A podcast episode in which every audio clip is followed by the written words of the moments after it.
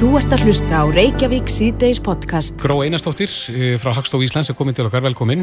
Takk fyrir. Þið eru að, að, að fara að stað með ansi aðtikli verða könnun. Já, einmitt. Núna ættu kannski svona þrjóðust manns að fengi brefum að, að taka þátt í, í rannsón hjá okkur mm -hmm. sem er, e, snýr að tímanótkun. Já.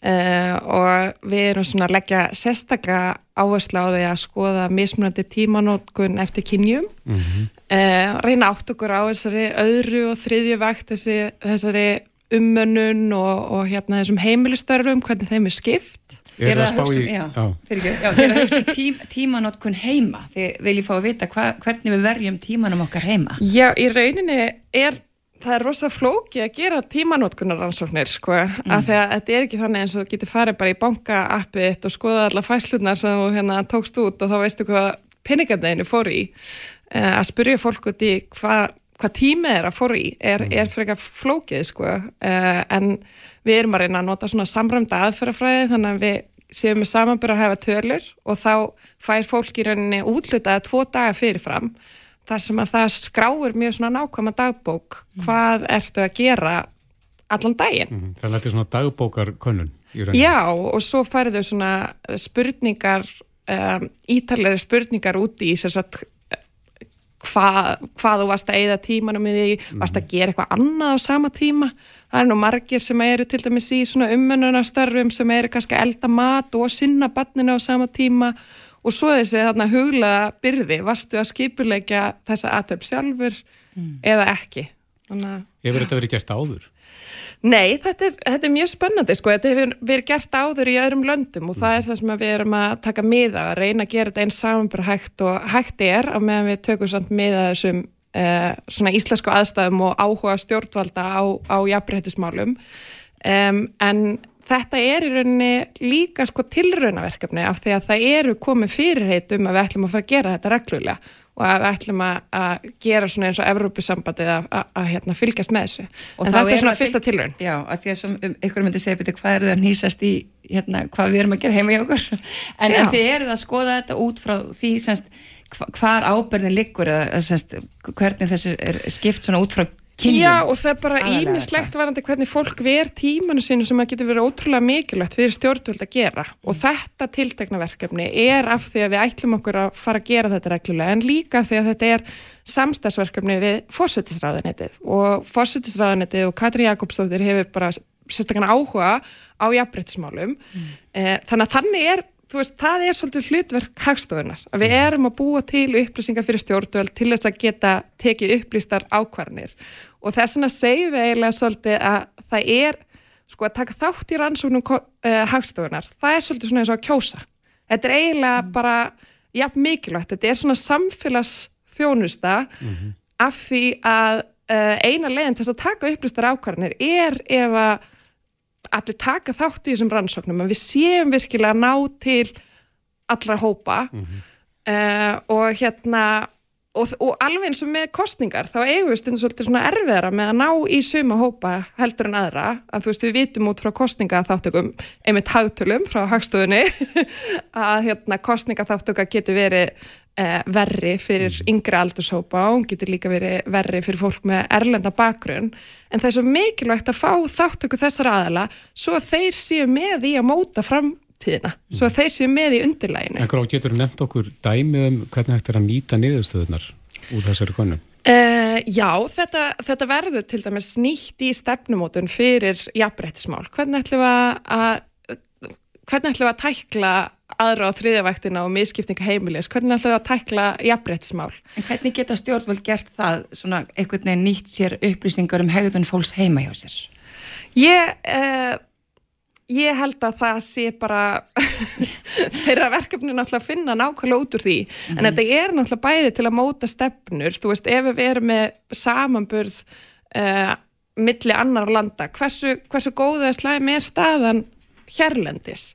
Það eru líka aðri hlutir sem við ætlum að skoða eins og bara, þú veist, heilsutengt heilsutengt málefni, ef fólk eða nú tíma í svefn, ef fólk eða nú tíma í reyfingu og, mm -hmm. og út frá því geta verið alls konar hluti sem maður getur mótað stefn út frá, mm -hmm. en náttúrulega líka þá ef við byrjum að mæla þetta yfir tíma eru, eru við að ná markmiðum okkar eru þetta réttur leiðirnar veist, með meiri nákvæmni í þessu getum við farið átt okkur kannski á því hvernig, hvernig við erum að nálgast þetta Hvernig var þessi hópur valin? Þú sagðið að 3000 manns varu vantilega búin að fá byrja frá ykkur?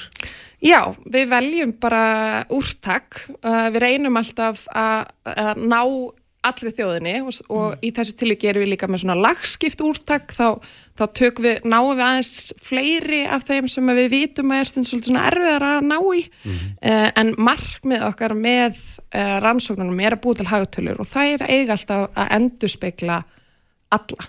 Veist, við erum aldrei að reyna að ná einhverjar upplýsingar til þess að vita eitthvað um einn aðeila. Við erum alltaf að reyna að endurspegla það sem að er að gerast bara hjá hjá þeim sem að búa hérna á Íslandi. Akkurat. Eh, ég veit að það eru margir eflust að núti núna sem að vilja komast í svona gönnun og geta svarað. Er hægt að skrá sig eða er þetta bara algjörst slempi úrtak? Þetta er bara algjörst slempi úrtak en við erum náttúrulega með marga rannsóknir og þetta sem ég sæði um svona líðræðislega mikilvægi þess að taka þátt í, mm í rannsóknum þú veist, því fylgir bæði vald og ábyrð að taka þátt í líðræðislegu samfélagi og eitt af því er að taka þátt í þessum rannsóknum við erum með vinnumarkasrannsókn þar sem við erum að spurja fólk, þú veist, stöðuð er á vinnumarkaði, við erum með lífskjara rannsókn við erum alltaf með einhverjar rannsóknir í gangi og hérna og Er fólk duglegt að taka þátt? Uh, já, en það er samt svona almennt trend í heiminum að, að þáttaka fer nokkuð mingandi og þess vegna er svo mikilvægt, bara alveg svo líka með kostningaþáttöku, að maður hefur ágjur á því að það mingar við erum kannski á betri stað heldur en margir í þeim öfnum en, en við þurfum svolítið að, að verja þessi bara líðræðislu gildi til þess að geta hérna já, teki góður ákverðinir og, og hérna, að pólitíkinn sé að vinna út frá og stjórnveld sé að vinna út frá einhverjum góðum upplýsingum. Mm. Far almenningu síðan að vita niðurstöðuna? Heldur betur. Hvena verður það? Það er planið að gefa þetta út á, á vormánuðum. Já, við núrum svo fanga til. Já, það verður bara mjög spennandi að sjá hvað já. kemur út úr þessu. Þannig að þið sem eru að hlusta og hafi fengið bref frá hagstofinni Það er ákvæmt til ykkar, já, um að skrá ykkur og taka þátt. Gró Einarstóttir frá Hagstof Íslands, kæra þætti fyrir koma. Þú ert að hlusta á Reykjavík C-Days podcast. Það ræða afreiks íþróttafólki okkar næstu mínútur. En já. Uh, það er komið af stað program uh, sem að miðar að því að koma okkar frábæri íþróttafólki í fremstu röð. Viðstætt Hafstensson Uh, afrækstjóri Íþrótta Ólimpíusambands Íslands og fyrirhverjandi afræksmaður sjálfur í Íþróttum, verður hjartalega velkomin Takk. Þetta er ansið spennandi starf, þetta er eitthvað sem margir hafa talað um og, og, og, og mörgum á Íslandi hefur dreymt um. Og þetta er semst, uh, þú ert að leiðana starfshóp sem að ásmundur Einar Daðarsson ment og barndamálar á þeirra uh, sett í gang, mm. ekki satt? Jú. Segðu okkar hans frá þessu. Já, við erum búin að vera að vinna í að búa til nýja Íþrótta afrækstefnu á Íslandi, er svona komið dröga því Var hún ekki góð? Jú, sko, það er búin að gera mjög margt gott á Íslandi mm -hmm. og við erum í sjálfu sér að ná mjög góðum árangri á meða við hvað er lítið fjármagnir þessu. Mm -hmm. Fólk er alveg á handalhaupum í sambandi við bæði sem sagt út af manneklu og, og fjárskorti í að, að vera í þessum íþrótum. En ef við börjum það saman við Norðurlandin þá er hægt að gera ímislegt betra. En ég vil ekki segja að það sé allt vonlust á Ísland, það er alls ekki. Mm -hmm. Það sem er styrkur okkar er þetta metnaður og dugnaður og, og svona elja Íslandinga sem við erum náttúrulega þekkt fyrir og, og ég ber mikla veriðingu fyrir því og þess vegna kom ég heim, mér langar að vinna með Íslandinga og Er það þessi hugsunaháttur eitthvað nefn? Já, og ég, ég er búin að ná mjög miklu árangur sem þjálfari og farið í gull og ólupilleikum tvísasinnum og heimsmyndstarumóndum tvísasinnum og mér sem vann 2021 með útlendinga mm -hmm. en hjartað er alltaf heima og, og ég fekk möguleika að koma hérna heim í fimm ár og leiða þennan hóp hjá mentumálalandinu Er það hópurinn sem að gengur undir nafninu Tím Æsland? Já, við köllum okkur það. það er svo sem ekki orðið svona official en það er svona í mörgum löndum eins og Tím Danmark er þekkt, mm -hmm. Olympiatoppen, það heitir ekki sko þessi afregsstefna íþróttasambandana ofta erlendis, Tím Estonia, Tím Great Britain mm -hmm. og Topp og Talang í Svíþjóð og svona. Vi, við köllum okkur það en það er eitt búið ákveðan eitt í þessu. En, en við, okkur finnst þetta skemmtilegt nafn og svona alþjóðlegt og kemur Ísland á korti En hvernig býr maður til afreiks íþróttafólk? Hvernig mun þessi, hver, já, það er fyrst og fremst umgjörðin. Sko þegar krakkin er í heima hér að í, ykkur félagi og deild að fái góða íþróttakennst í skóla og, og, og íþróttathjálfun í sínum félagi. Og krakkin fyrir á æfingu kannski 5-6 ára og, og það er topp þjálfarar og topp íþróttakennar í skólan og það, það er byrjunin. Góðu fóröldar á bakvið sem stiðja krakkan í þessu og að það sé gaman og góðu félagskapur. Það er nummer 1, 2 og 3 og þetta er best á Íslandi í heiminum innan 12 ára aldurs, mm. ég, ég fullir það. Af hverju? Vegna þess að hér eru mjög margir íþróttakennarar mjög mentaðir og vel, vel aðsér þetta er heilbritt þjóðfélag. Þetta er, þetta er svona nýtísku þjóðfélag. Mm -hmm. það hafa allir aðgengi, það er allir velkomnir og þetta er bara betra eh, ofta erlendis eru mikið meira fóröldarnir að þjálfa hér eru þau bara fólk sem er að þjálfa sem eru mentað, mentað, mentað. Mm -hmm. Og þetta er alveg mín reynsla, ég hef búin að búa lengi út í Þískalandi og þetta var nákvæmlega svona, það er, þetta er miklu meira svona atvinnumannslegt hér, að þú veist, þú ert með miklu svona mentari þjálfara í og þetta er miklu meira fókus og markmið en, en þetta er alveg rétt, Já, einmitt, þetta var mín reynsla líka. Já, þannig að við þurfum að vera sko. stolt yfir því að það hugsa vel um krakkan í byrjun. Mm -hmm svo þegar kemur í 13 til 18 aldur þá detta þetta aldrei út og, og þá vantar sem sagt ímislegt upp á. Og við erum að reyna að skoða það til þess með íþróttabröyti framhaldsskólana, háskólakerfið og svo leiðis við búa til eh, samrænda íþróttastefni í sveitafélagunum og, og vera miklu meira tengd sveitafélagunum og, og sagt, eh, skólakerfinu. Eins og er svona Norðurlanda mótileg í þessum akademíum. Mm. og þjálfa þá upp þjálfara þar og íþróttafólk og vera bara með mjög mikla fagkunnátt og sagt, á þessu stígi snemma þannig að krakkandi detti ekki út úr þessu mm -hmm. og ef við okkur tekst það og búum síðan til þetta Team Iceland koncept sem er sko svona reglífa samtök ISI yfir sérsambundin með næringafræðingum, sálfræðingum, nötturum, sjúgraþjálfurum, sálfræðingum og svo framvegis. Er þetta ekki til í dag? Þetta er ekki til í dag eins og er á hennu norðum. Ég er búin að vera í þessu kerfi í 25 ár sjálfur og hef farið alla leið mm -hmm. sem þjálfari með mismunandi íþróttamenn búin að koma þeim á pall 20 eh, sinum mm -hmm. og, og 5 gull í þessu kerfi og það eru hæg heimatökin fyrir mig sem leiði þessa vinnu sem afristjóri og yfir þessum eh, starfsóp í ráðunutinu að fylgja þessu eftir með mjög miklu kunnáttufólki við erum með fólk úr háskóla geranum sem eru professorar í Íþróttum sem er að hjálpa okkur auðvitað, hvernig hefur við að vinna með unga fólkinu eftir 12 ára aldur, til dæmis, það er búið að rannsaka það á Norðalundunum og gerum við það eins og háskóla professornir segja okkur að við erum að gera. Það sé ekki að vera að velja og snemma.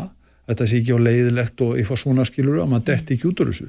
Þetta er gengur út af það og þegar krakkandi síðan koma út úr íþróttabrautónum afriðsbrautónum, er þá vegferðin út í heim eins og í bolta íþróttum að fara í atvinnum sko? mm -hmm. eða búið við til launasjóða afriðsíþróttafólks á Íslandi og sjáum til þess að umgjörnum sé jafn góð og erlendis og ef þjálfvarnir séu jafngóður og mentaður og ellendis, ef það tekst þá vinnum við gull mm. Er þetta greiðlega dýrt að fara út í svona? Já, þetta gengur út á skipulagningu sem við erum að koma saman ég er ekki nokkur um vafum okkur tekst að koma henni saman mm. hún á að fara inn núna um áramótin og þess vegna erum við með þessa ráðstöfnu 20. og mjög mikill metnaður í mentamáraðundinu og, og hjá ISI að koma þessu saman og mjög mikill samvinna búið að líka samþykja hjá Íþróttaþingi ISI og, og þingi UMFI um daginn 100% sammála um það að búa til áttasveið út um land til þess að fylgja þessu eftir í Íþróttahérðunum og tengja sem sagt Íþróttafólkið á mismöndi svæðum inn á miðlæga stjórnstöð tíma Ísland í laugadalum mm -hmm. þá eru við að kortleggja efnin og þjálfan út um land líka og fylgja þeim eftir. Og þetta gengur út á skipulagningu og það er auðvöld að þetta á Íslandi að því að landið er lítið og svo gengur út út á markvallt fjármagn. Við verðum að fá fjármagn frá ríkinu, sveitafélögum og síðan aðtunlifinu, stóru, uh, stóru aðilónum í aðtunlifinu, þannig að þetta kostar fullt af fjármagni. Er búið að setja puttar að það hvað þetta kostar? Já, ég get ekki nefn eina tölur en það er markvallt á með hvað það er núna. Ef við ætlum að standast öðrum snúning, þá mm. gengur út út á þetta og það gengur út að búa til afriðs í þetta menningu og Íslandi og að fólk skilji hvaða vegferð þetta er og akkur er þetta mikilvægt. Á það við um allar íþróttagreinar? Nei, við verðum náttúrulega að velja og hafna, við getum ekki orðið best í heimi öllu. Nei, hverju viljum við vera best? Við erum með, sko, krakka, mm -hmm. 12, 13, 14 ára, sem eru best í heimi nú þegar, á meða við aldur, mm -hmm. og með þess að best í sögunni. Hér á Íslandi? Já. Í hvaða íþrótta? Til dæmis að stelpa henn upp í Breitholti sem er besti sprettlöpur í 12 óra yngri í sögunni, betur en alla stelpur í Jamaica og Bandaríkjón. Já. Hvernig vinnum maður með svona krakka? Mm -hmm. Er Hver er leiðin fyrir þessu? Það er að vinna eftir það sem háskóla eh, fólki segir. Hvernig vinnum maður með börn og úlinga á þessum aldri upp á það að keira þau yfir um og fara ekki og geist og vera með fóröldana með sér, skólakerfið og allt þetta. En er til dæmis verið að halda utanum hann í dag? Já, þetta, þessa krakka þetta, sem er framhúsgarandi? Já, sko, það er gert á vegum hennar félags og síðan frjálstöðsambansins en þetta nýja kerfi gerir það verkum að við missum ekki af þessum krökkum þegar það kemur að möguleikin sé fyrir hendi þegar hún er kannski orðin 18 ára að hún haldi áfram í þessu umgjörun sé í lægi, vegferðin sé í lægi og að hún fái besta, besta umhverfið sem hægt er að hugsa sér upp á það að geta freysta gæfinar í þessi framtíðinu og við verum öll stolt yfir henni til dæmis. Þetta er opbóslega mikilvægt og þetta er margfald sko peningandi koma margfald tilbaka því að við erum að tala hér um stærstu fjöldarhengu á Íslandi, við erum að tala um börn og úlinga, við erum að tala um að ala upp gott fólk og út úr því kemur mhm. afreikið. Það er alltaf þannig sko. Afreiks íþróttir koma út úr þessu heilbriða þjóðfélagi, út úr þessari fjöldarhengu og það er bara örfáir sem fara kannski á pallinni í framtíðinni en ég gerir áfriðið verið miklu fleiri en hinga til. Svo erum við með nokkur lið hérna mm -hmm. sem er alveg ótrúleg ef við hugsaðum út í það. Við erum með tvö lið í, í, í stærstu íþjóðkan í heimi í fótbolta, í top 16 í heiminum, bæði hell og hvenna strafgar og stelpur, sko. Hvað er þetta að gera með þessi lið? Mm -hmm. vinni í svo andlega, vinni í svo líkamlega vinni í fótboltana, vinni í svo félagslega. Fari ekki að snemma út í aðvunumennskun og koma heim tveimur án setna að því að þau eru ekki tilbúin öll þessi ráðleiking, þetta er það sem við erum að kallum þetta þessi fagteimisvinni sem við kallum tíma Ísland sko. Erum við að missa allt og mikið af ungu fólki bara eppil út af svona raungum vinnabröðum? Já, já, það er ekkert íslensk fyrirbröð sko, Nei. þetta er náttúrulega allstaðar en ég held sko, ég kom inn hérna að heim til þess að vinna með öllum að reyna að fá alla, þingflokka, ríkistjórn, skólastjórnendur sveitastjórnir almenning að skilja akkur þetta er mikilvægt mm -hmm. við, okkur líður aldrei betur heldur en þegar það gengur vel fyrir Íslandinga og þetta er, ein, þetta er einfaldasta leiðin til þess að samina þjóðina mm -hmm. í mjög einföldum verknaði sem er mjög helbreyður og góður mm. og þess vegna eru íþrótti mjög mikið fyrir þjóðfélagið Það búið að marg rannsaka þetta í bæði hér og ellendis að þetta er mjög mjög hagræðin ávinningur að því að vera með gott íþróttstarf mm. og það þarf að marg auka skilningin á því hjá öllum aðlum ég er ekki nokkur vafum okkar text það en það tekur tíu ár þannig við erum að tjálta hér plan. til tíu ára já, já. já er þetta tíu ára plan þetta, já, þetta verkefni sem þú ert að fara í? Já, já ég vinn alltaf tíu ára fram í tíman mm. það tók mig tíu ár í bæði, bæði 2008, ég tek við strák árið 2000 sem verður ólpimestari 2008, það tók nýja ár mm -hmm. svo tók ég annan sem sagt uh, 2012 og hann var ólpumestari 2021 þetta tekur 9-10 ár. Mm -hmm. og, og ef við okkur tekst að setja þessa stefnu saman og við fáum fjármagni svona stigmagnandi eftir ári frá ári til ás, það kom ekki alltaf á sama tíma, það verði aukinn skilningur í þjóðfélagin ásu þá held ég okkur komið til með að líða mun betur öllum í sambandi við íþróttir á Íslandi eftir 10 ár. Og ég trúiði ekki öðru en að við fáum fólk með okkur í þetta. Já Magnaverkefni framöndan og, og greinlega stórt starf sem að býður ykkar að koma í Íslandi í fremstu röð. Mjög skemmtilegt, en einn svona, ef við tíma fyrir eina loka spurningu. Eina, já.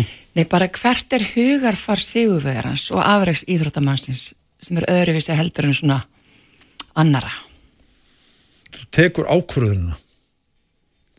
Alltaf þegar ég hef farið í íþróttafólki sem hefur komið til mín, ég hef nú fengið til mín 56 einstakling og ég náði einn annars verður alltaf verið hringt í mig og ég beðin um að þjála þig mm. frá tíu löndum og þá segja, ert þú tilbúin að taka ákvörðuna að fara í þetta en þess að ef þú ert ekki tilbúin í það að vera í þessu full time í tíu ár með mér þá er ég ekki tilbúin að þjála þig vel sem ég er í því full time mm -hmm. það er ákvarðan að takan að vilji einstaklingsins til þess að fara í þessa vinnu það er miklu auðvöldar að gera það ekki og þólinn með því þjálfur hans Hefur eitthvað sagt nei? Tveir Þeir eru ekki tilbúinu í það mm -hmm. en þegar fólki tekur ákvörðuna mm -hmm. þá faraðu allar leið Já.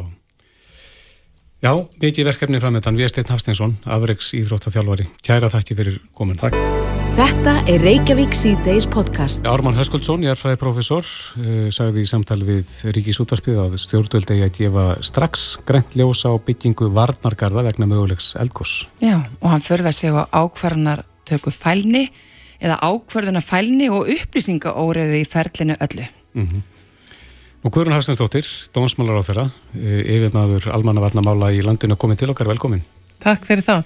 Já, er ákverðin að fælni hjá okkur varðandi varnagarða? Er þetta eitthvað sem að ætti að fara að skoða strax, svona miða við uh, hagsmunina sem að þetta er í húfi? Nei, það er engin ákverðin að fælni í kjærfinu nema síður sé. Uh, ég hef verið að minna á það í fjölmjölum að við erum á óvissu stíi þann 25. oktober síðastliðin að þá lísti Ríkislauglustjóri yfir óvissu stíi e, almannavarna vegna þeirra stöðu sem upp er komin á Reykjanesi og við erum sérstaklega á degi 15 núna. Mm -hmm. e, það er búið að eiga sérstaklega gríðarlega vinna. Það eru allir, ég leiði mér að fullir það, það eru allir viðbrasalar, e, stjórnvöld, e, Ríkislauglustjóri, almannavarnir, fyrirtækin á svæðinu, uh, sveitafélugin, ríkistjórnin, það eru allir að vinna. Auðvitað að þá, þegar að svona er, að þá þarf að huga vel að áhættu og áfalla þóli og svo viðbra sketunni og við erum búin að vera að fara yfir það.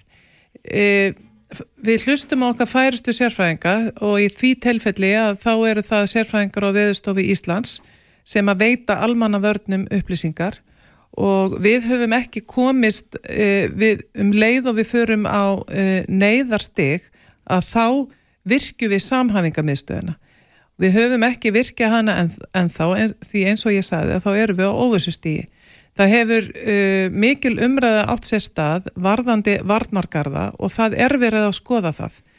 Og það eru fjölmargir aðlar búin að koma að því máli.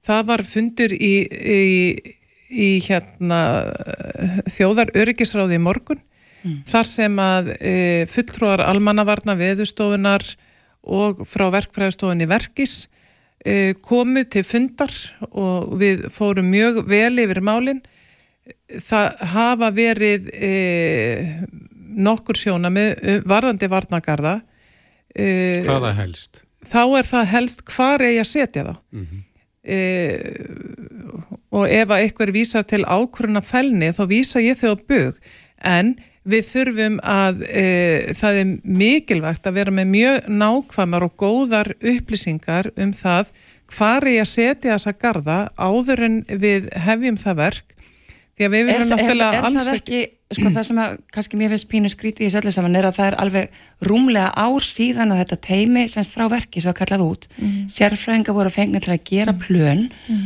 og þá talaður um það að, að, að þetta séu forvarnar aðgerðir að það standi til að byggja þessa garda fyrir atbyrði en ekki miðjum atbyrði mm. og þar segja þeir það er mikill greinaminu þar á þá er hægt að vinna með þessa varnagarða út frá betra efni, keira að betra efni og hægt að þjappa það betur þannig að það verði sterk byggðar í mannverki en nú erum við bara mögulega mjög nálagt uh, atbyrði En, við vitum en, það ekki. Nei, við, það er nei, þessi óvisa. Nei, það verður þessi en, óvisa, við erum á um óvisu stíð. Já, en þannig verður að tala um forvarnaraðgerðir og ákverju er ekki farið í forvarnaraðgerðir. Já. Akkur er verið að býða eftir að hættust í að lísta yfir? Við erum, við erum ekki að býða eftir því en við getum eins og ég saði, við getum ekki hafið þessa vinnu nema mjög vel ígrunduðu máli og það að, að það sé búin að eiga sér stað mikil reikni vinna. Uh, hún er til, við veitum hvað við þurfum mikið efni, það er búið að kortleggja núna allar vinnuvelar hér á söðu-vestur horninu, hvað þær eru margar og, að, og það er búið að hafa samband við eigandur tækja. Mm. Hvað er þetta uh, margar vélar? Uh, þetta eru nokkur hundru vélar. Mm -hmm. En eftir hverju þá er það að býða?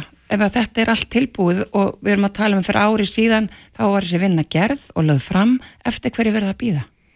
Uh, við erum að býða, við erum náttúrulega ekki að býða eftir neinu. En af hverju þá ekki farið að stað? Þetta, eins og ég sagði, þetta eru framkvæmdir sem að verða óaftur kræfar og þær verða að vera á réttum stað. Við viljum heldur ekki lendi því að vera búin að reysa einhvern varnagarð sem að gæti hugsanlega valdið skada en það er verið að horfa á það núna varnagarða í kringum uh, virkunina í, í Svarsengi mm -hmm. og hugsanlega varnargarð uh, norðan við Grindavík eða norð-vestan við Grindavík. Uh, en við erum auðvitað að horfa á það að við þurfum að verja samfélagslega mikilvæga innviði og það er aðtapna skilda líka hjá almannavörnum eins og þú segir eftirlega Jóhanna að mhm. hindra tjón.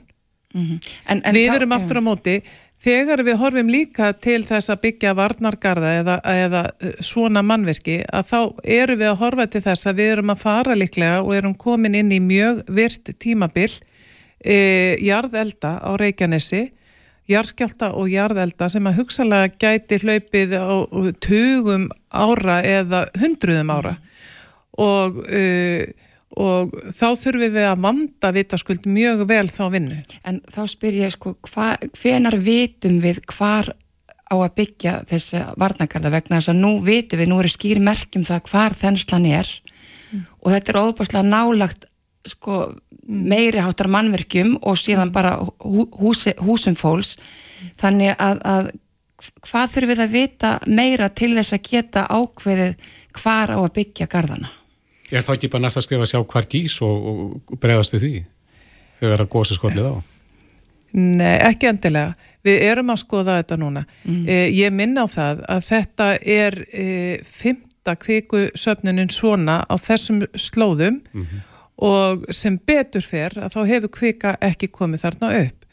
Uh, við erum búin að vera að horfa líka á uh, svona kvikusöfnin nýju sinnum frá árinu 2000 mm en það hafa orðið þrjú eldgós mm -hmm.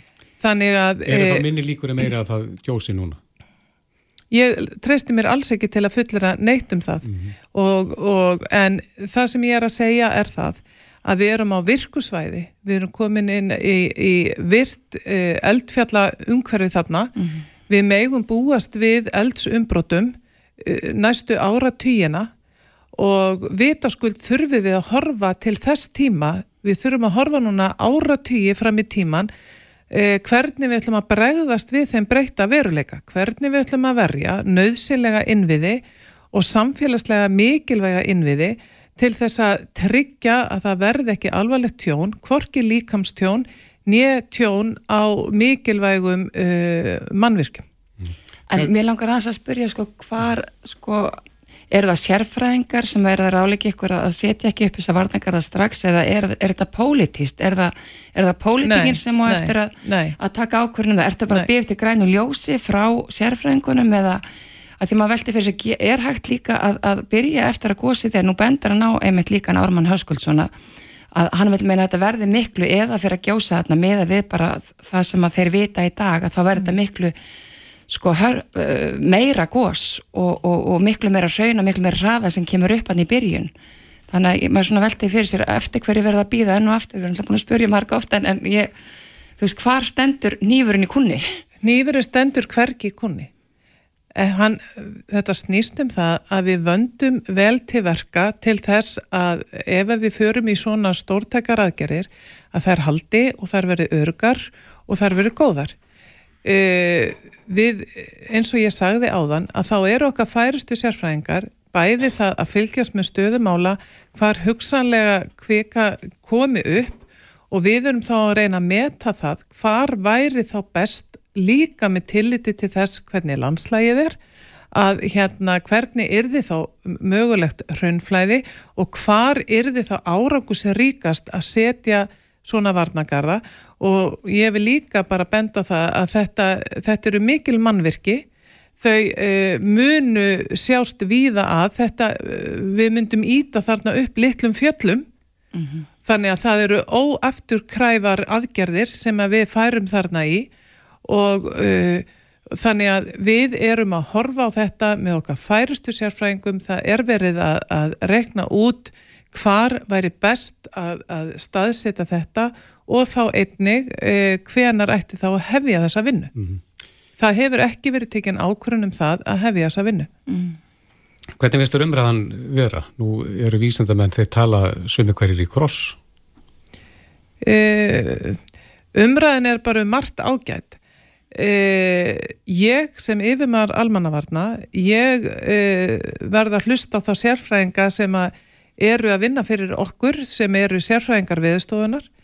Þeir eru framúrskarandi, starfsfólk almannavarna er framúrskarandi og ég ber fullt tröst til allra þeirra sem er að vinna núna allan sólarsingin er að vakta okkar kerfi frá mínútu til mínútu, klukkustundar til klukkustundar og eru vakin og sofin allan sólarsingin.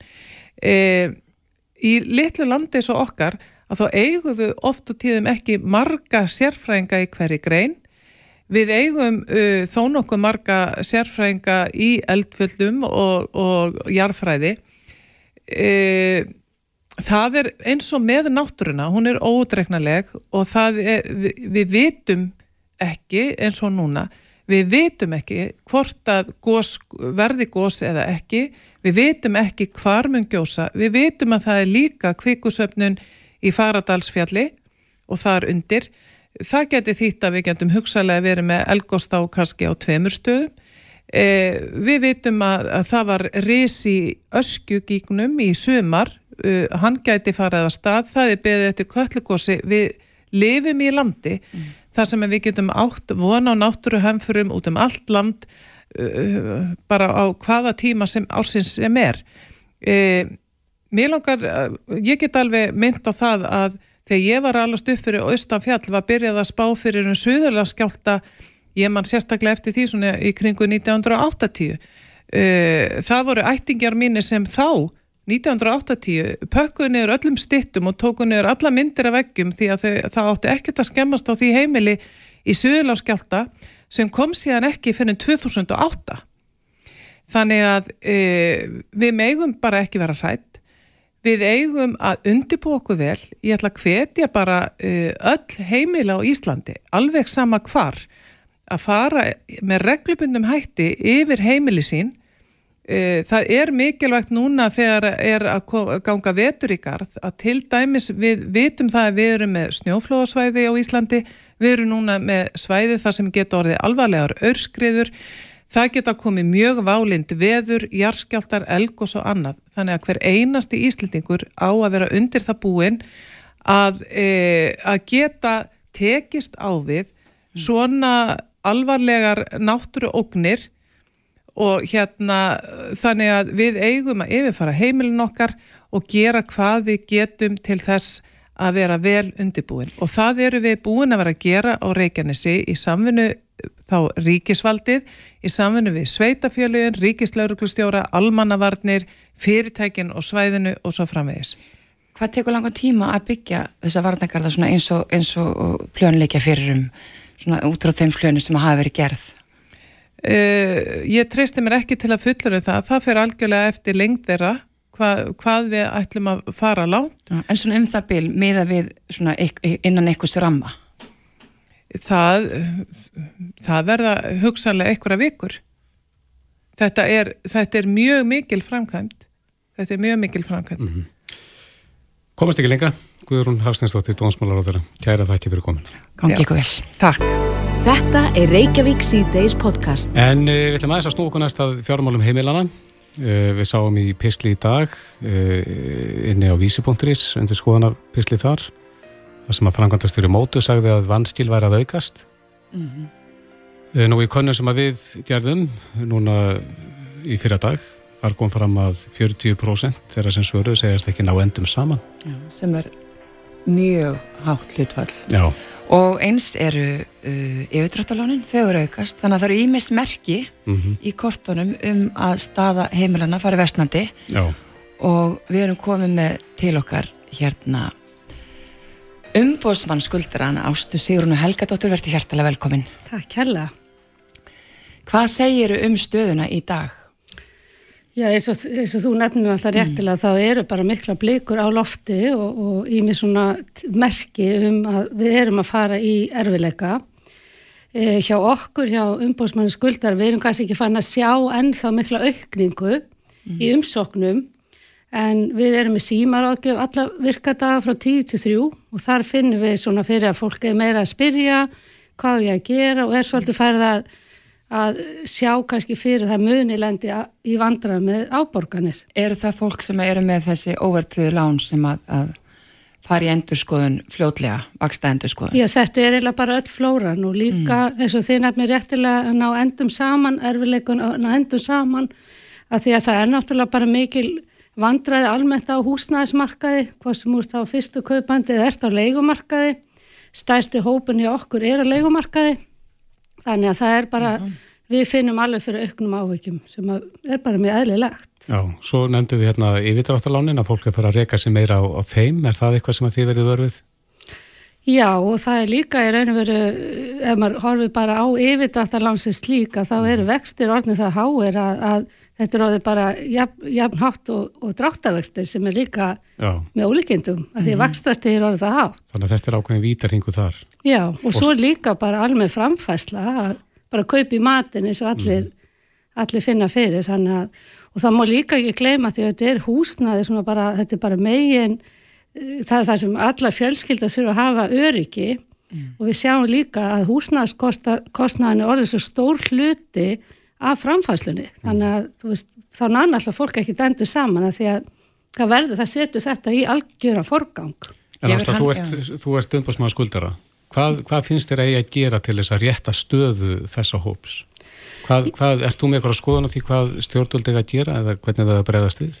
Sko ég held í raun og veru það er svo margt sem að hægt er að gera og við, við getum verið miklu viðbúnar en við vorum eftir bankarunnið og ég held þessu hjá okkur að við náttúrulega erum með ákveðna greininga vinnu og við erum stöðt að benda á hver viðkomistu hópandir eru. Mm -hmm. Hjá okkur er staðstu hópur öryrkjar og það er fólk á leikumarkaði mm -hmm.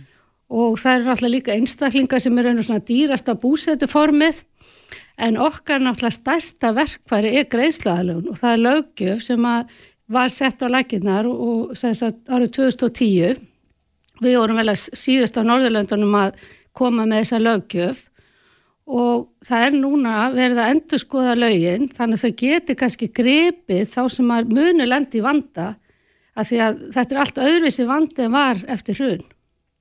Hvernig er hann? sko eftir hrun var náttúrulega mjög mikið um yfirvæðsettar eignir en mm. það sem við sjáum fram á náttúrulega með háu vakstast í að það er greiðslu, það er áborganin sem munu hækka mm. og hvernig á fólk sem kannski hefur komið fram í fjölmjölum áborgar kannski hægt um hundruð þúsunda.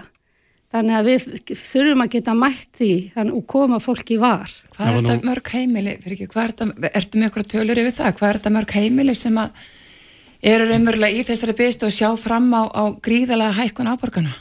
Já, þetta eru bara, ég er ekki alveg með þess að tölu algjör á taktum, þetta er fjöldin allir og... Þúsundur heimilega, jafnvel?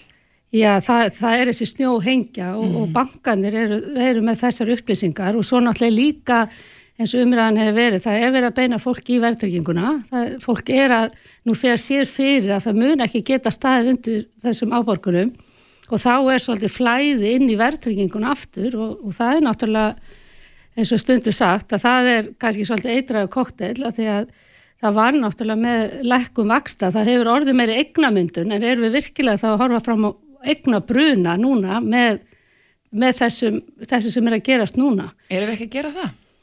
Já, það er alla líkur á því með það sem er að gerast núna en það sem er raun að vera okkar hlutverk er líka er að benda um þetta á, þú veist hva, hvað er hægt að gera og, og, og ég er náttúrulega sem málsværi skuldar er að mynda að koma hvað grí, grípum til aðgerða og þá með þess að hefur komið til eins og varandi eitthvað mótvæðis aðgerðir hækkum vakstabóta, hækkum badnabóta húsnæðisbætur því að stærsti hópun hjá okkur er á leikumarkaði þannig að það er svo maður við verðum líka bara að vera vakandi yfir þessu og það er sérstaklega stjórnvöld Já, en þarf ekki að breyta kjærfinu þannig að fólk lend ekki í þessari stöðu Jú, heldur betur. Er, er eðlilegt til dæmis hérna því að nú gekk mynd af uh, greiðslusæli tjálsvöling á samfélagsmiðlunum þar sem að uh, uppæðin var 500.000 og mm. þar vorum 490.000 í vexti og 10.000 krónur sem steina láni sjálft.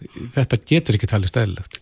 Þetta er langt frá því og þetta er mikil umræða núna sem er bara mjög jákvægt. Ég menna við þurfum að gera eitthvað því ef við gerum alltaf þetta sama þá breytist ekki En hvað er þetta að gera til þess að breyta kerfinu? Já, það er, þá ættu kannski komin svolítið út í bara pólitík og eitthvað sem að stjórnum þurfa að grýpa inn í og ég með þá eru kannski komin út í gjaldmiðlinn og, og bara almennt lána kerfið á Íslandi, ég með það hefur komið líka hugmyndir um samfélagsbanka mm -hmm. eða eitthvað sem að gæti, við vorum alltaf hérna einu sem er með sparisjóði mm -hmm. þannig að ég held að þurfum bara að fara í endurskoðan á þessu öllu og ég minnst bara mjög jákvæmt þessu umræði sem er svolítið núna byrjuð að að hérna, veist, þetta getur ekki gengið til lengdar. Nei, ekki bara setja plástur og sári heldur við þurfum að koma vekk fyrir að sári myndist. Já, og svo náttúrulega eins og var núna, ég menna lækkum vaksta og náttúrulega fastegnamarkaður fór alveg bara í hæstu hæðir mm -hmm. og svo svolítið þessu fyrstu kaupendur, það er bara mikið áhugjafni með þá sem að settu sig í mikla skuldir og svo hækkar þetta upp, þessu greiðslu segið sem þú ert að nefna Þetta er náttúrulega bara mikið áhuggefni og þarna kannski þurfa stjórnvöld líka að koma fram með einhverja aðgerðir. Eru þið að fá þessi tilfellin að bort til ykkar? Ég get ekki sagt þessu komin ennþá því það má segja kannski mununum frá því sem varði eftir hrun er að, að lánastofnanir eru miklu betri stakkbúin að aðstofa fólk og eru að finna lausni. Það er til dæmis komið hjá Íslandsbanka vaksta þak, svona ákveð þak sem að, sem að kannski er maður skoða grandi, kannski svolítið svipu á verðtryggingin og þetta er verið að reyna að gera allt til að hjálpa fólki en, en þetta er náttúrulega eins og þessi greiðslu sem ég ge, gefur til kynna mm. þá er þetta svakalega hækkunni, þetta er einhverjum bara stökkbreytt lán. Já og það er líka blóðast náttúrulega ef að fólk er að fara yfir verðröðu lán að horfa upp á jafnvel bruna eigið, eigið fjess í staðin fyrir, í skiptum fyrir það aðslagra afborganir. Já eins og ég er stundu sagt að kaupa sér fastegn að, og, og bara þakka yfir höfuð og fjölskyldu það ágjafur áhættu fjárfesting það er náttúrulega, mm. þá er eitthvað að í kerfinu mm -hmm. En þú finnur ef við strykum aðeins undir að þú finnur fyrir svona auknum þunga á, á þitt ennbætti núna Já, já, svo náttúrulega er sko þetta er náttúrulega einstaklingsmið úrræði og það er svo misjamt í hvað stöðu fólk er, mm. við, eins og ég nefndan við erum með öryrkja, við erum með mikið láttekju fólk og við erum með fólki miklum félagslegum vanda þannig að það þarf náttúrulega að skoða bara hvert og eitt mál og hvað ertu stattu bara í lífinu, ertu ungur, gamal, hver er þín svona framtíðar aflahæfi en okkar tæki og tól eru náttúrulega fyrst og fremst rákjöf, það er greiðsla aðlunin sem er bara, þetta er lögbundi úrræði. Og síðan erum við líka með fjárhæsaðstöð til greiðslu skiptakostnaðar mm -hmm. þegar fólkir er komið á þann stað að að það þyrti raun og það er ógjaldfart og þyrti að bara komast í gjaldrót en hefur ekki ráð á að reyða fram skiptatryggingu. Þannig þetta er svona þessi tæki og tól sem við erum með. Við erum líka, höfum lagt miklu áherslu á fræðslu og höfum meðal hans verið með hlað, hlaðvarp, leitin af peningunum og leggjum miklu áherslu á að vera með forvarnir og auka fjármálalæsi að því að við viljum helst að þessi fæstir þurfa að koma til okkar en að sjálfsögðu tökum við vel á móta öllum sem að þurfa að því halda. Þannig að þeir sem eru komnir í eða sjá fram á að ná ekki endum saman geta þeir leita til ykkar? Alveg endilega sem ég nefndi á það, það er símar það setja sérfræðinga við síman alla virka dagafram á milli 10 og 3 og bara, og það er líka þetta að senda inn bara tölvupost og byggja um að sé hringti viðkomandi og fólki finnst staðstundu þægilegra og hérna endilega ef það er eitthvað, eitthvað sem við sjá framöndan að hafa samband sem allra fyrst. Mm. Er mikið um það að fólk sem leta til ykkar sé í klóm uh, smálana fyrirtækja? Það hefur sem betur fyrir minkað en auðvitað er það hluta því þegar fólk næri ekki endur saman og þá er það komið þarna í, í þessi smálana fyrirtæki og alls konar... Akkur er það við minkað fyrir ekki? Ég, ég held að það var náttúrulega ákveði vitundavakning þegar við, hérna, sagt, við sáum mikið ungu fólki sem leitaði til okkar vegna mm. smálána, það var eiginlega bara að vissuleiti ákveði sprenging, mm. þannig að það var farið í ákveðina lagabreitingu og neytundastofi er þar með svona ákveði eftirlit og þessi miklu umbræði sem var líka og, og, og annað þannig að það, það hefur minkað sem betur fyrir en auðvita er það til og það er í raun og veru að mínu mati bara skömma þetta sé til að því þannig verður raun að verða nýðast af viðkomast af hópnum. Já. Ásta Sigrun Helgadóttir, umbósmaður skuldara, við skulum vona að ástandi fær nú að batna. Kæra þakki fyrir komuna. Já, takk fyrir að bjóða mér. Reykjavík síðdeis á Bilginni podcast. Ég við fréttum af eh, doktorsrannsókn sem að er verið að vinna núna. Þórlug Ágústóttir, vinnur að henni. Velkomin. Takk fyrir. Það er hér allsjáandi auga samfélagsmiðlana og þessara stór, stóru fyrirtæki sem verður náttúrulega með einokun á þessu markaði. Og, svona, og þú hefur verið aðeins að skoða þetta og rína í hvað er að gerast, þessa þróun og, og, og hvert við erum kannski að fara og þetta hvert við erum komin. Er, já, mitt æfistarf í rauninni, ég byrjaði að kóða 95 og leiðist svo út í stjórnmálafræði og er núna um, einn að fá um cyber stjórnmálafræðing á landsins. Ég vann mastersverkefnum mitt um þetta 2019 þar sem ég skoðaði hvernig rúsar hafa verið að flippa kostningum í gegnum netið hér og þar. Og nú er ég í raunin að vinna áframhald af þeirri rannsókn þar sem ég er að skoða hvernig fyrir geði ég ætla að sletta svolítið, surveillance kapitalismi eða eftirlits auðvaldið er að grafa undan líðræðinu og okkar personu frelsi og öryggi. Hvernig þá?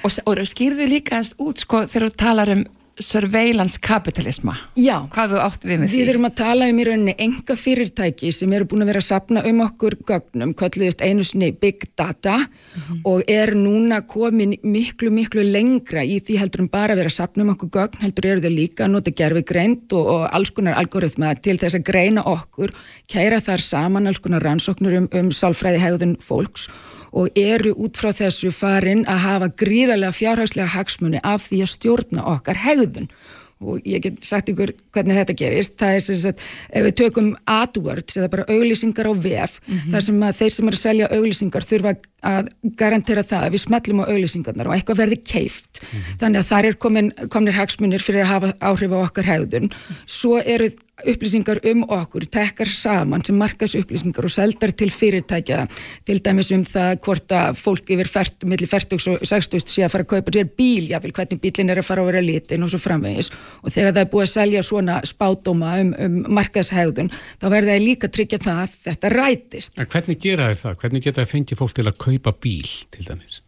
Já, þetta gerist bara í rauninni með markasherrferðum og þeir auðvitað stíla inn á þá sem væru líklegir til þess að kaupa mhm. bíl en þeir myndu með alls konar ráðum fara að segja er það að bílinn þinn sé ekki að virka eða úr umhverju sinnaður þá fara þeir að segja að þú þurfur að skipta út og þeir rafbíl og svo framvegist þannig að þeir eru með persónleika greiningar um okkur öll við erum öll með persónuleika profíl og ákveðna tegundir af fólki eru líklegri en aðrar til þess að mynda svo kallar feedback loop við algoritman og ég vil fara út í það að verða með ekstrím politískar skoðinir eða eins og hér búið að gerast í auknum mæli að ungar stúlkur eru að fá sér, eh, fá lítið aðgerðir eh, fá það sem kallast body dysmorphia þess að brenglaða líkansmynd út af beinlínis þeim skilabóðum sem eru að koma í gegnum samfélagsmiðla og þetta er alþægt það er whistleblower sem heitir Francis Haugen sem bara vittni fyrir bandarísku bandarísku þingnefndum 2021 hún lag 20.000 skjölum innan úr Facebook í stjórnvöld og nýtur þar með verndar núna. Uh, þar sem hún var að sína fram á það að Facebook hefur lengi vitað um skadalega sálfræði afleðingar af sínum, sínum mm. viðskiptamódili hvernig til dæmis skilabóð sem veki upp reyði eða sterkar tilfinningar þar sem þeir kalla engagement. Við verðum að smetla ef við sjáum sætan kött þá, þá úæðislegt setjum like á það, svo verðum við reyð svo verðum við glöð, svo verðum við æst og það er stanslöst verið að leggja á okkur tilfinningar sveiplur sem eru okkur mannskeppnunni ekki eðlilegar. Og það verður að halda líkamsmynd að ungum krökkum sem gera það verkum og þeim fyrir að líða ítla með sig sjálf. Uh, mikið af þeim þeir, sko, þau hafa svo miklar upplýsingar um okkur þessi fyrirtæki, það er hægt að greina hvaða uh, sálfræði hérna, já, bara reynlega, hvað hrjáir okkur hvort við séum með þunglindi, jafnvel hvort við séum með vítaminskort, hvort þú sérst ólétt eða hvað sem er og út frá þessum upplýsingum þá getur þau haft áhrif á okkur í gegnum skjá og með síaukinni aðstóð sjálfvirkrar tækni sem notar gerðugrind. Vita þessi fyrirtæki meir um okkur heldur en við sjálf? Já. Já, þau gera það ótyrætt, þau búa til personleika profila um okkur og þau líka eru búin að vera að keira rannsóknir síðustu ára týjina og bæta inn í það svo kallið cognitive science sem er sem sagt hvernig við hugsum og skinnjum eh, eins og Kahneman og Tversky fengu Nobelsvelunin fyrir það sem þeir voru að meta hvernig við eh, erum með svona systematíska brenglun í því hvernig við metum áhættu mm -hmm. og með því að nota rannsóknir og sínar eigin bara keirslur á því hvernig við hegðum okkur vita þau hvað fær þig til þess að smetla á linga frekar en Jóhannu og þar með er hægt að hafa áhrif á þig. Og þetta er komið meira sér á þann stað personalization er að skrifa heimasýður í real time, bara þegar þú ferðin á síðuna, mm. þá er heimasýðan skrifuð fyrir þig eftir því tungumali sem að hendar fyrir þig, þannig að þú ert með ákveðna pólitískar skoðanir, þá væri textin aðlagar þeim skoðunum til þess að geta sannfært þig betur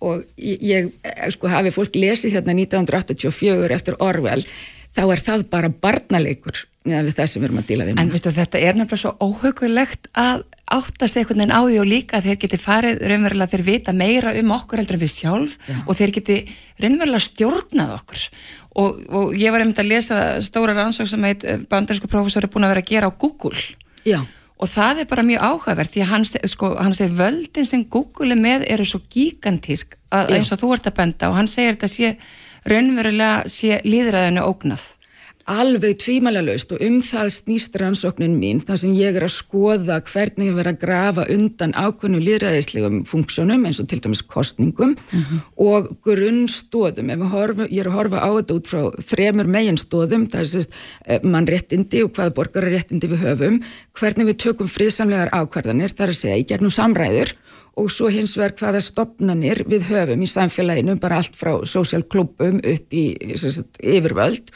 og svo sagt, eru í rauninni hver einasta líðræðisfunksjón fellur inn í þetta. Þú hefur rétt, réttindi, kostningaréttindi þú þarfst að ræða við annað fólk til þess að mynda þér skoðin um það hvað þú ætlar að kjósa. Og svo þarftu að geta treyst á stopnarni til þess að framfylgja því og ég sem sagt er hér að taka hagfræði mótel inn í þetta, ég er að bæta þessa kenningu með því að koma með hagfræðina inn í þetta til að sína fram á það hvernig það eru peningalegir hagsmunir sem eru farnir að stjórna sífælt meira og meira. Mm.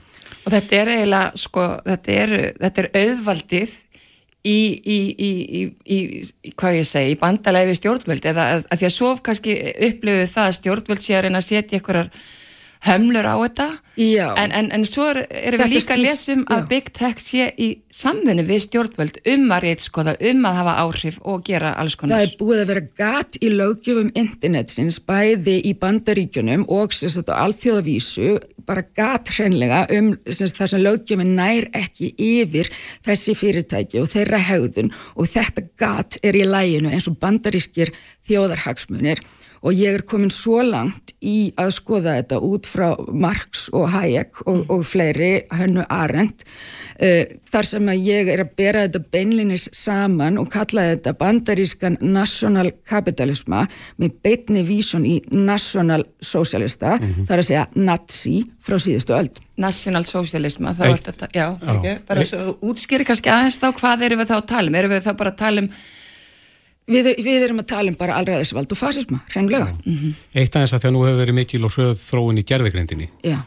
Kanski meiri og, og, og hraðari heldur en við höfum þekkt áður. En Kemur sko, það eitthvað inn í, inn í þessa hjöfnum? Algjörlega, vegna þess að gerfigreindi notur nú þegar við það að rýtskoða myndbönd á YouTube í real time að þú ætlar að ræða mannréttindi þar, segjum að þú ætlar að ræða fósturræðingar þar mm -hmm. á ennsku, þá er automatist búið að blokkar út orðin, við þurfum að fara að tala í kringum þetta og nota svo kallar newspeak, eins og Orwell sagði í 1984, fólk getur ekki sagt suicide, fólk verður að segja unalived themselves við getum ekki lengur sagt shoot eða kill, það er automatísli farið út og þessi reyna að ræða þetta rásirna þeirra eru systematísli faldar, þau fá ekki lengur greitt fyrir auðlýsingarna sem byrtast í kringum myndbandin þeirra á YouTube og svo mætti lengi, lengi, lengi telja.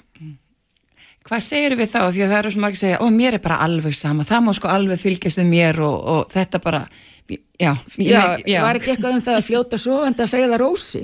Ég, við erum bara allt, allt of næf í þessu og ég vil nú ekki vera að gaggrina hérna, ráðuniti nýja vegna þess að þau hafa svo sannlega tekið við sér nýlega. Hvað er nýja ráðuniti? Uh, eh, Áslöfur Örnu já, já. mann ég fyrir ekki að hvinn, hvað heitir það?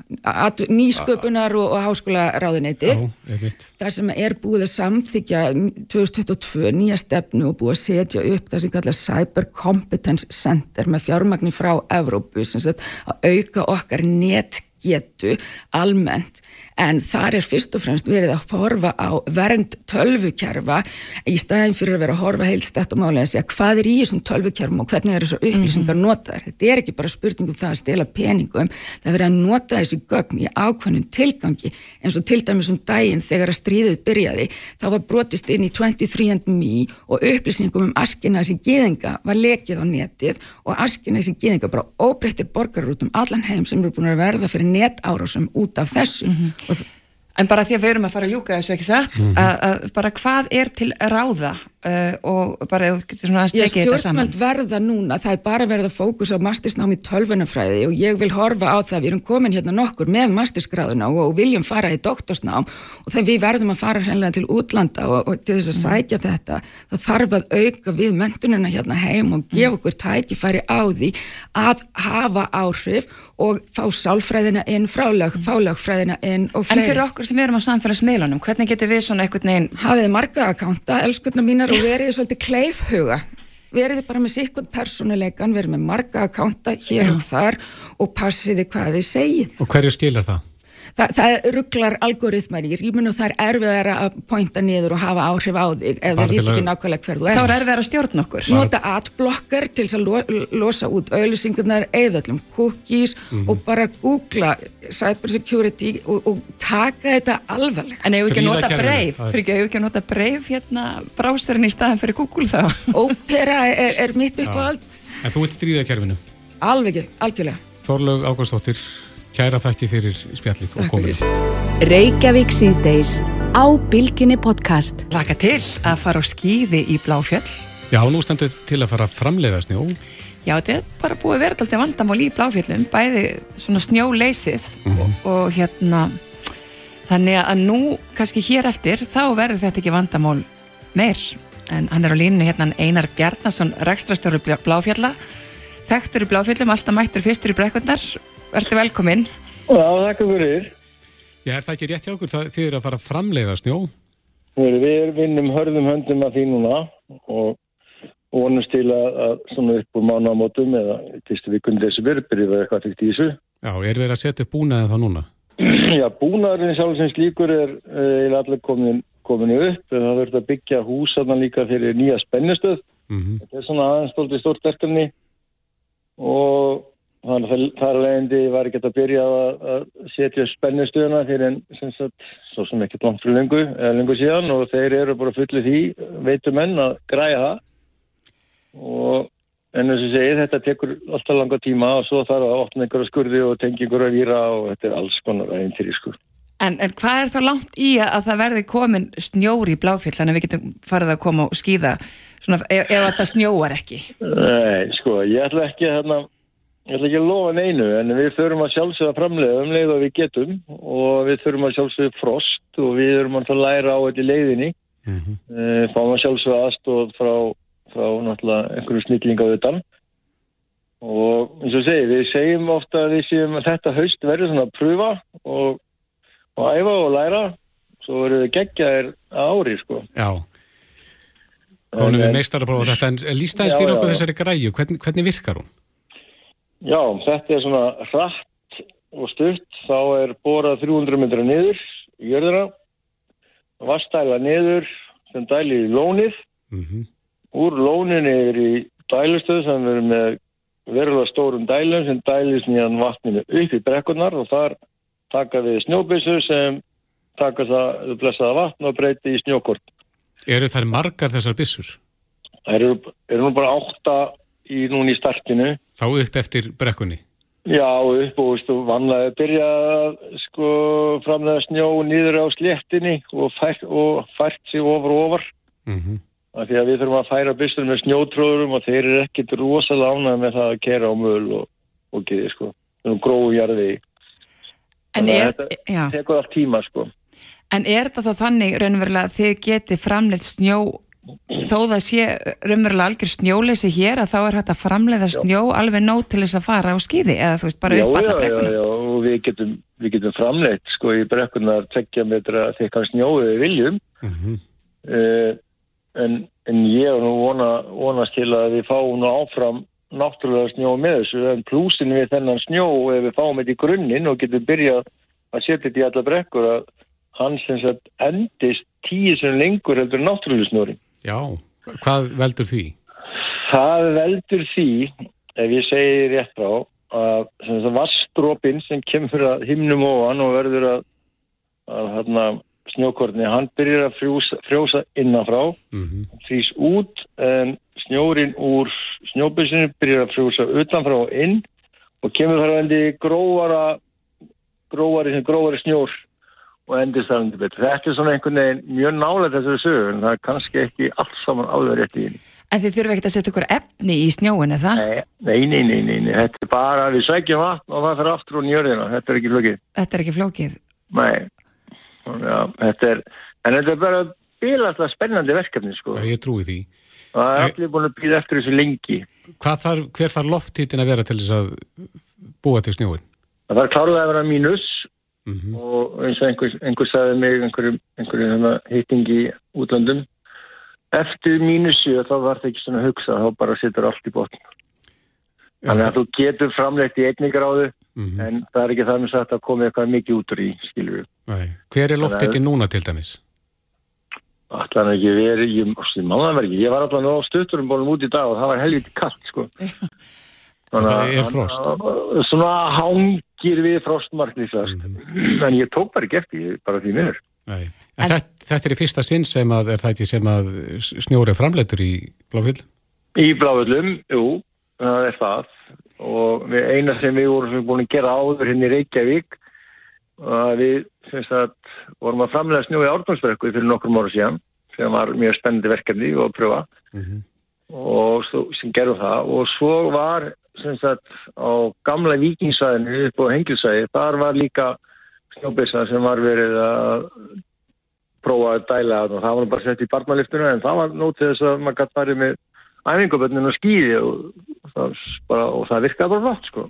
En þetta er gríðileg bilding fyrir okkur það ekki, þetta breytir heil miklu Breytir bara öllu því að veist, með þessu þá teljum við að við verðum aldrei aftur snjólus skilur við og, og þurfum ekki að vera með lokaðum poska bara að því það ringdi burtu kortir fyrir poska eða eitthvað, við eigum þá og verðum líklega búin að byggja upp það sterkan grunn að við ættum að halda snjó lengur að sjálfsögðu sko. Mm -hmm. hvernig, hvernig snjór er þetta? Hvernig skýðasnjór kemur úr þessar greið?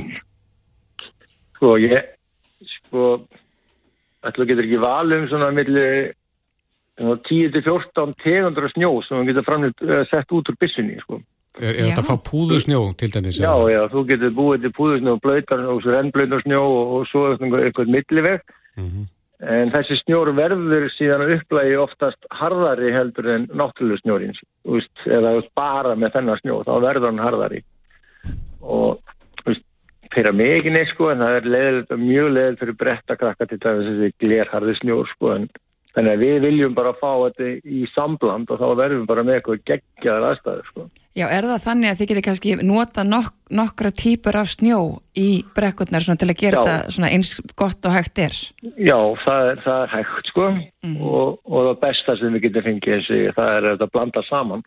Þá erum við í svona, það sem er talið svona besta kombóið og það er að þetta er svona uh, fáum hennar styrk úr þessum framleita og svo þetta, þetta, þetta migra úr þessum náttúrulega sko. Já. Hvað sagði framleiðandi bissunar þegar það kom beini frá Íslandi eh, um bissu? Eh, Telja sko, menn ekki að hér sé bara nóga snjó? Nei, við vorum að vísu búin að fekja þess að stráka þetta fólk sem er nú að framleiða snjóðun, mann hittist að menn á síningum í mörg mörg ár og svo náttúrulega er snjókerfi Dalvík, Akureyri og, og Söðokrók mm -hmm. þannig að þetta er svo sem ekki nýtt sko, það vissi allir af þessu. Nei, þeir því að ekki að við værum einhverjum málbúar sko, og byggjum í snjóðu, þeir vissum aðeins meira. Já, en hvena stefnið á að opna í, í Bláfjöldum fyrir stíðafólk? Ég vil ekki bara segja að við stefnum því að við opnum fyrir jól þannig að það geta allir prófað nýju skýði sín og bretti sín um jólinn, með jól og nýjás Já, frábært. En það er engin snjór núna hjá er það? Núna er bara eitthvað svona, svona þrifa, það lítur rosalega vel út og horfa upp yfir. En, en þetta er bara svona centimetrar einhverjir. Mm. Þetta er bara fallegt á að líta. Þetta er fallegt á að líta en veist, tefur tef, tef, okkur ekki lengur af því að jarðvinnan er svona 99, eitthvað búinn. Þannig að við svo sem erum ágættar þýleitunum stættir mm. með þetta. En, það, hefur... má fara, má fara að snjóa svona bráðum. Sko. En hvernig hefur þróunni verið síðust ár hjá ykkur? Hún hefur, var náttúrulega engin þróun frá 2005 þá ángan til í fyrra, við fengum svo tvær nýju stóliftur En, en svona varðandi snjómagn og hvena þið gáttu opnað? Snjómagn, já, já, við höfum nú opnað svona í kringum svona í kringum jólin og, og milli jól og nýjás og þannig að þetta er svona þetta er svona á þessum tíu dögum, síðustu dögum fyrir jól er að vera einu að opna. Þannig að þetta verður bilding núna, það verður mun meira Já, já, sjálfsög Við erum alltaf með frostakabla í, í nógumber og desember og Það vísir líka regningagabla en, en við getum þá allavega undirbúið okkur undir það að framlega og framlega og búa til og byggja upp en að gegja það grunn sem þessi snjóri gefur okkur. Þetta eru frábæra frettir fyrir skíða unnendur. Já, heldur betur. Það er gegja. Já. Einar Bjarnason, rekstastjóri í Bláfjalla. Kæra þætti verið þetta og gangi ykkur vel með verkefnið. Takk sem leiðist. Takk fyrir. Bless, bless. Bless.